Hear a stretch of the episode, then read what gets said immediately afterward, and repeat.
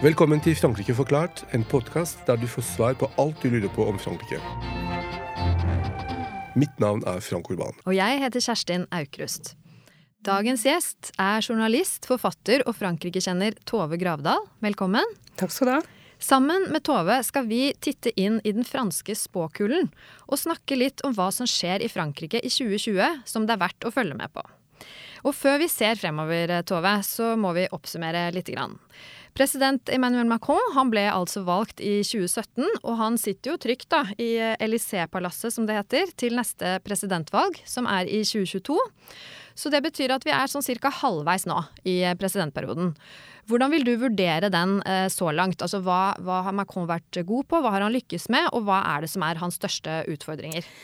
Han har vært god på å gjennomføre reformer, som han lovet. Han har jo gjennomført en god del allerede, og nå står han eh, midt oppe i den største og viktigste reformen, pensjonsreformen, som er veldig, veldig krevende og vanskelig å gjennomføre.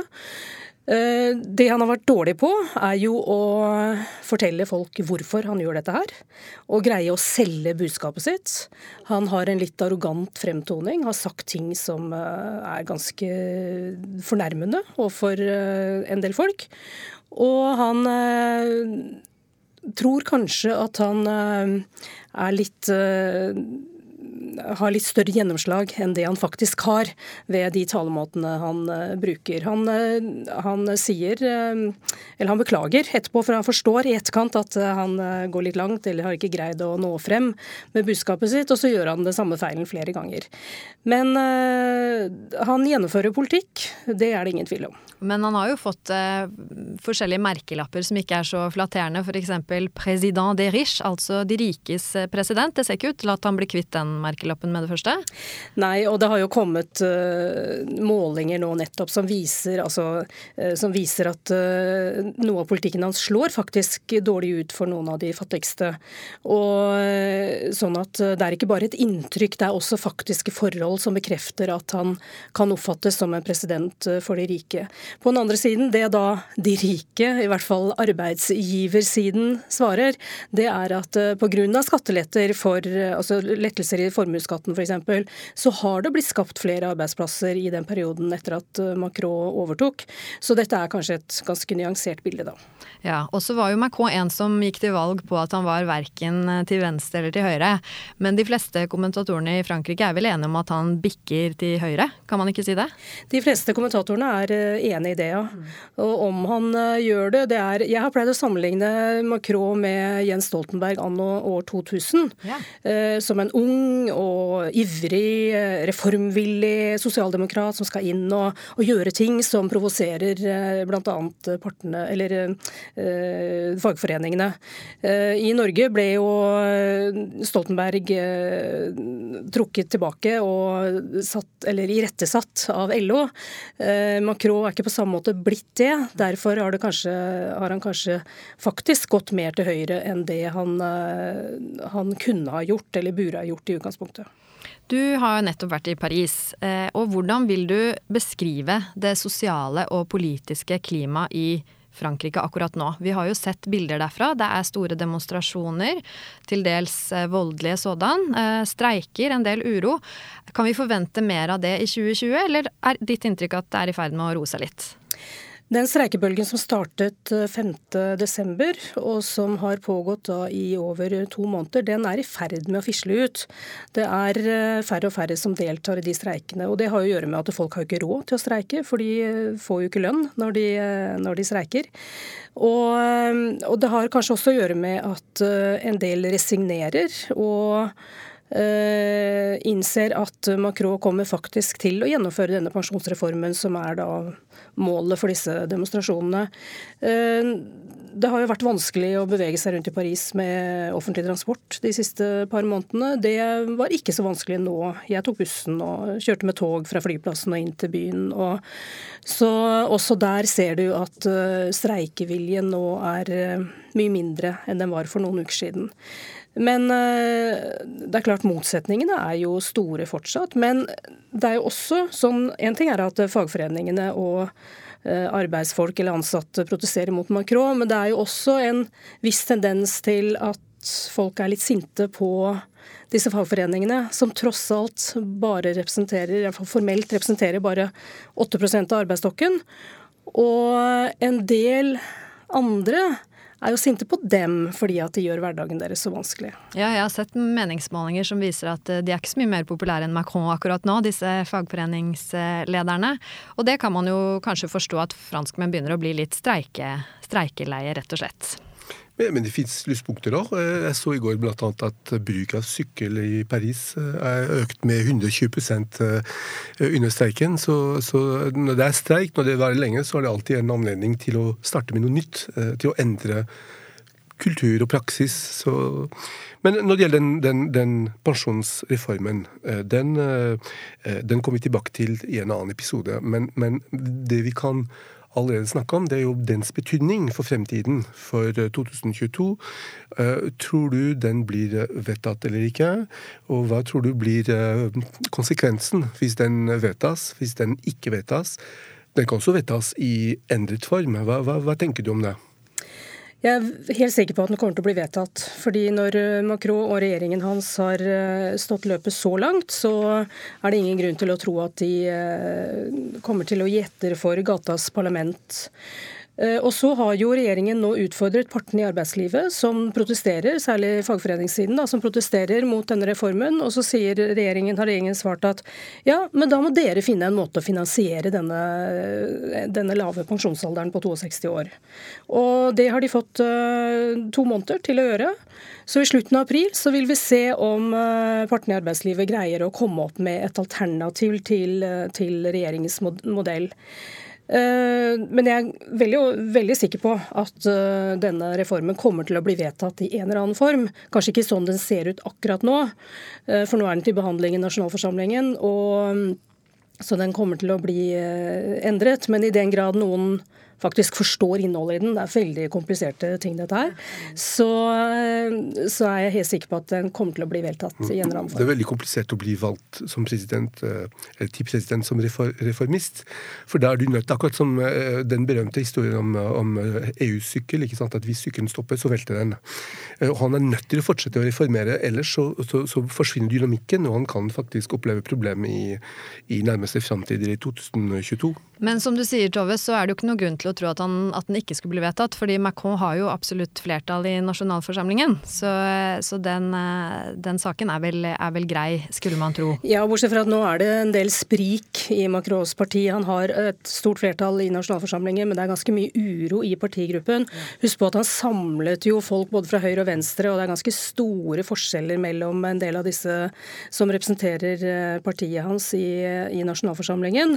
Og det blir spennende å følge nå de eh, drøye to årene som frem mot eh, presidentvalget, i hvor stor grad Macron faktisk greier å holde partiet sitt samlet.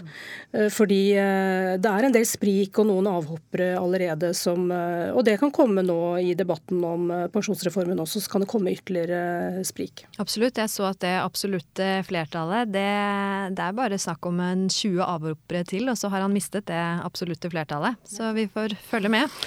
Bare en annen ting er jo at hvis denne reformen ikke går gjennom, så kan det bli et problem for neste reform. For neste reform som står for tur mot slutten av året, det er jo, øh, og det er en stor reform, det er jo reform av eldreomsorg. Med bl.a.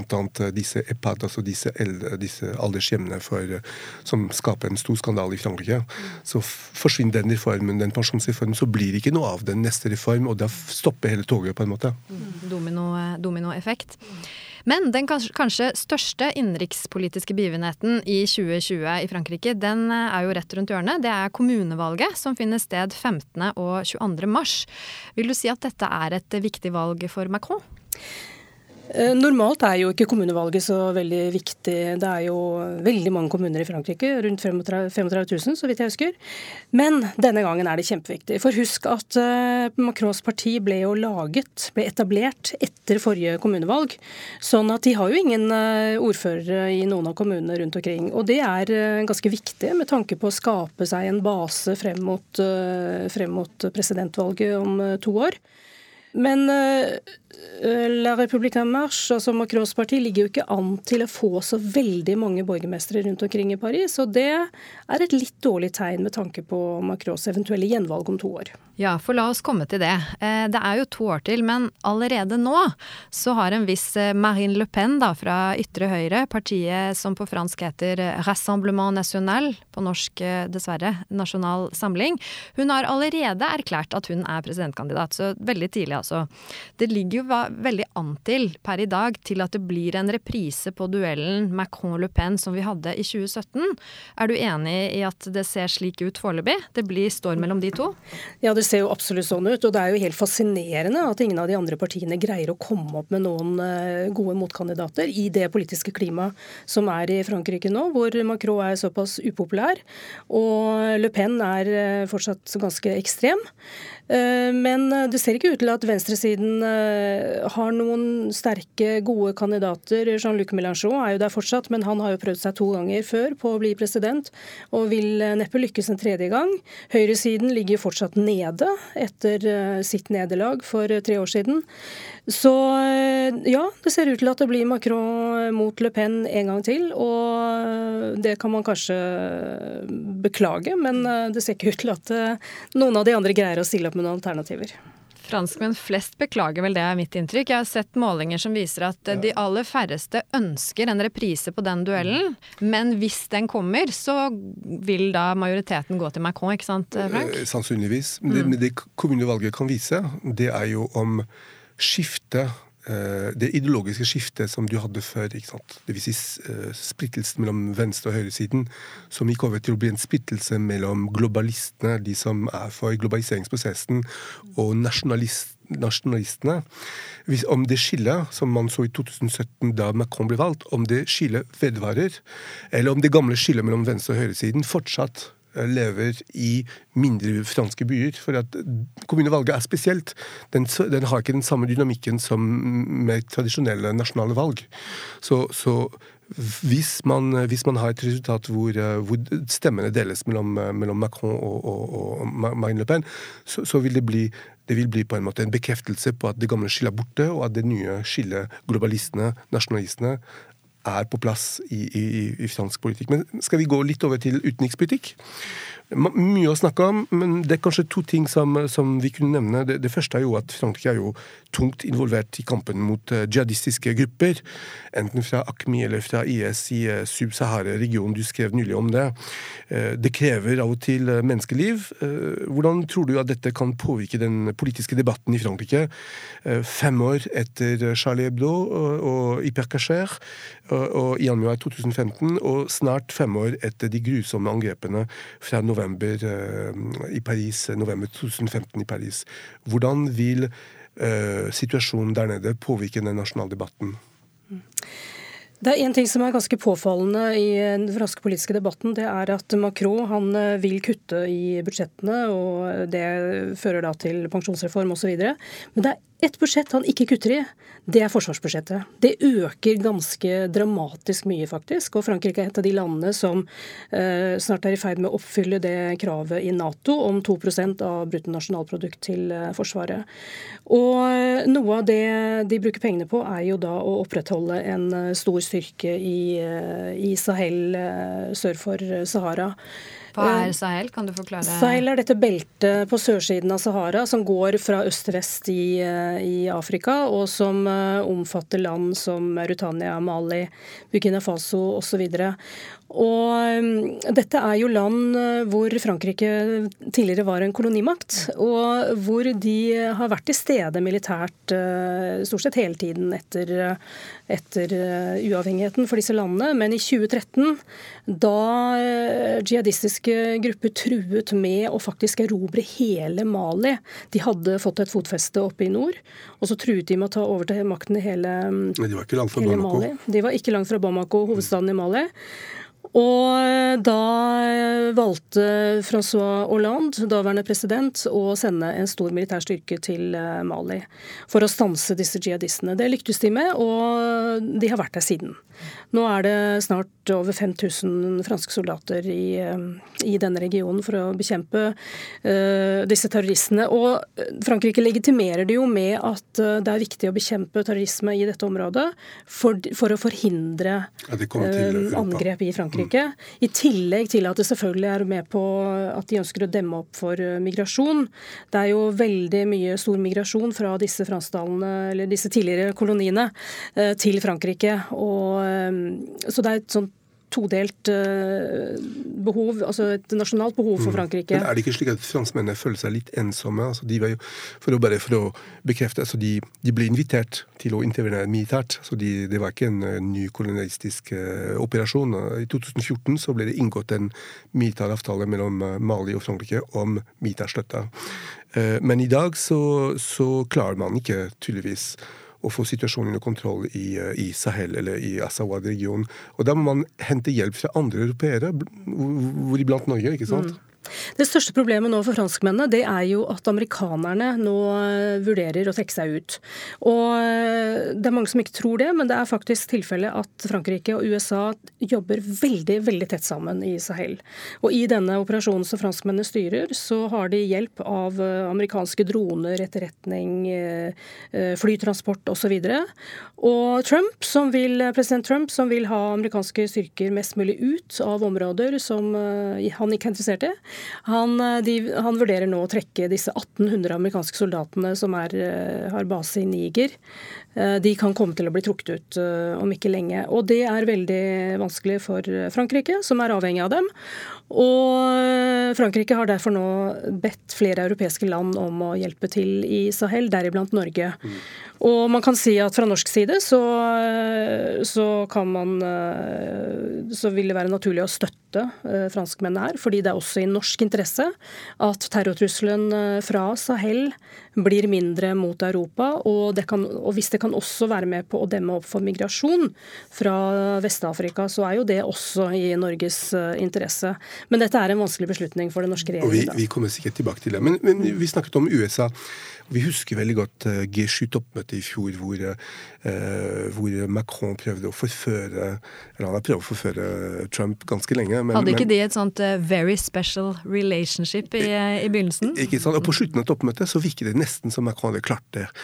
Men det som, det som alltid skjer, skjedde igjen, og, Trump bare gikk fra alle mulige løfter. Og, men det kom et nytt G7-toppmøte i, i, år i USA, og da spørs det om hvor hvordan dette forholdet mellom Macron og Trump vil utvikle seg. Det er også et valg i USA som er ganske viktig. Så hvordan tror du denne, denne franske-amerikanske dynamikken vil bli i 2020 i lys av G7-toppmøtet, og ikke minst uh, gjenvalg, potensielt altså mulighet for gjenvalg av Trump i USA? Mm. Uh, vi snakket jo om uh, kampen mellom nasjonalister og globalister i Frankrike. Den utspiller seg jo på den internasjonale scenen med Macron og Trump som hovedaktørene. ikke sant? Nasjonalisten uh, Trump mot, uh, mot Macron. Og, og, gitt Trumps personlighet, så er det jo helt umulig å forutsi hvordan det utvikler seg. Men det som i hvert fall er sikkert, er at Macron han ønsker jo å ta en lederrolle på den internasjonale arena som en forsvarer av av et eh, internasjonalt eh, system som er basert på lover og regler, det vi kaller folkeretten, eh, hvor land samarbeider om å finne felles kjøreregler, i stedet for at det er den sterkestes rett som rår, altså at det forhandles avtaler bare direkte mellom land, slik Trump foretrekker. Og, og dette er jo en, en, på en måte en ideologisk kamp, hvor disse to representerer hver sin fløy, og hvor Norge ønsker definitivt å høre til på den franske siden i eh, denne ideologiske kampen. Og nå er det, I år er det jo 75 år siden FN ble grunnlagt, som jo er liksom episenteret for denne, det vi kaller eh, det multilaterale samarbeidet. Og det, skal komme, det vil komme antagelig flere markeringer av det 75-årsjubileet. Blant annet har jo president Putin og Macron har jo diskutert å ha et eget FN-toppmøte av de fem, eh, med de fem vetomaktene i FNs sikkerhetsråd i forbindelse med 75-årsjubileet for FN. Der kan det også komme spennende ting.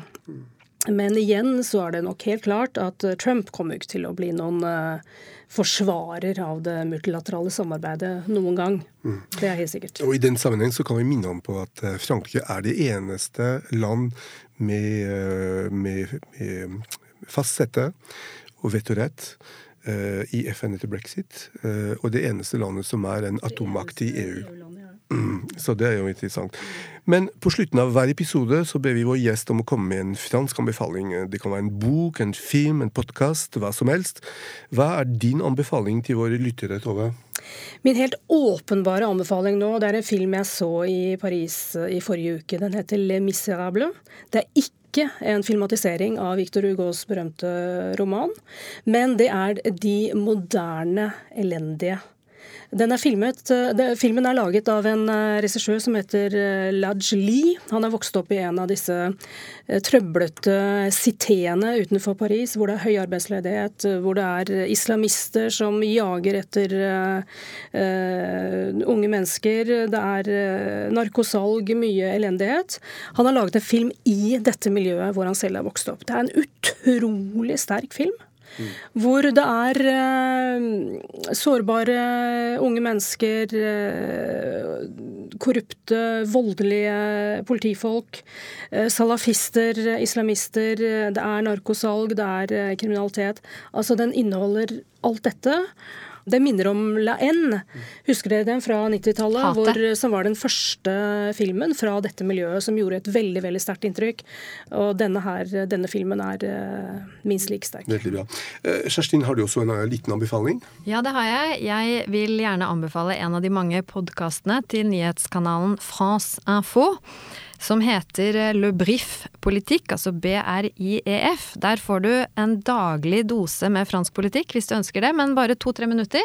Og det gjør det veldig lett å holde seg oppdatert på det som skjer både i den franske nasjonalforsamlingen og ellers på den franske politiske arenaen. Så hvis du kan fransk og er interessert i politikk, anbefaler jeg den eh, podkasten veldig. Ja, men Da gjenstår det bare å takke vår gjest Tove Gravdal. Så høres vi igjen i neste episode av Frankrike forklart. Au revoir! Frankrike forklart er et samarbeid mellom Universitetet i Oslo og Høgskolen i Østfold. Har du kommentarer eller forslag til temaer vi bør ta opp, kan du gjøre det via vår Facebook-side Frankrike forklart. Her vil du også finne info om dagens episode.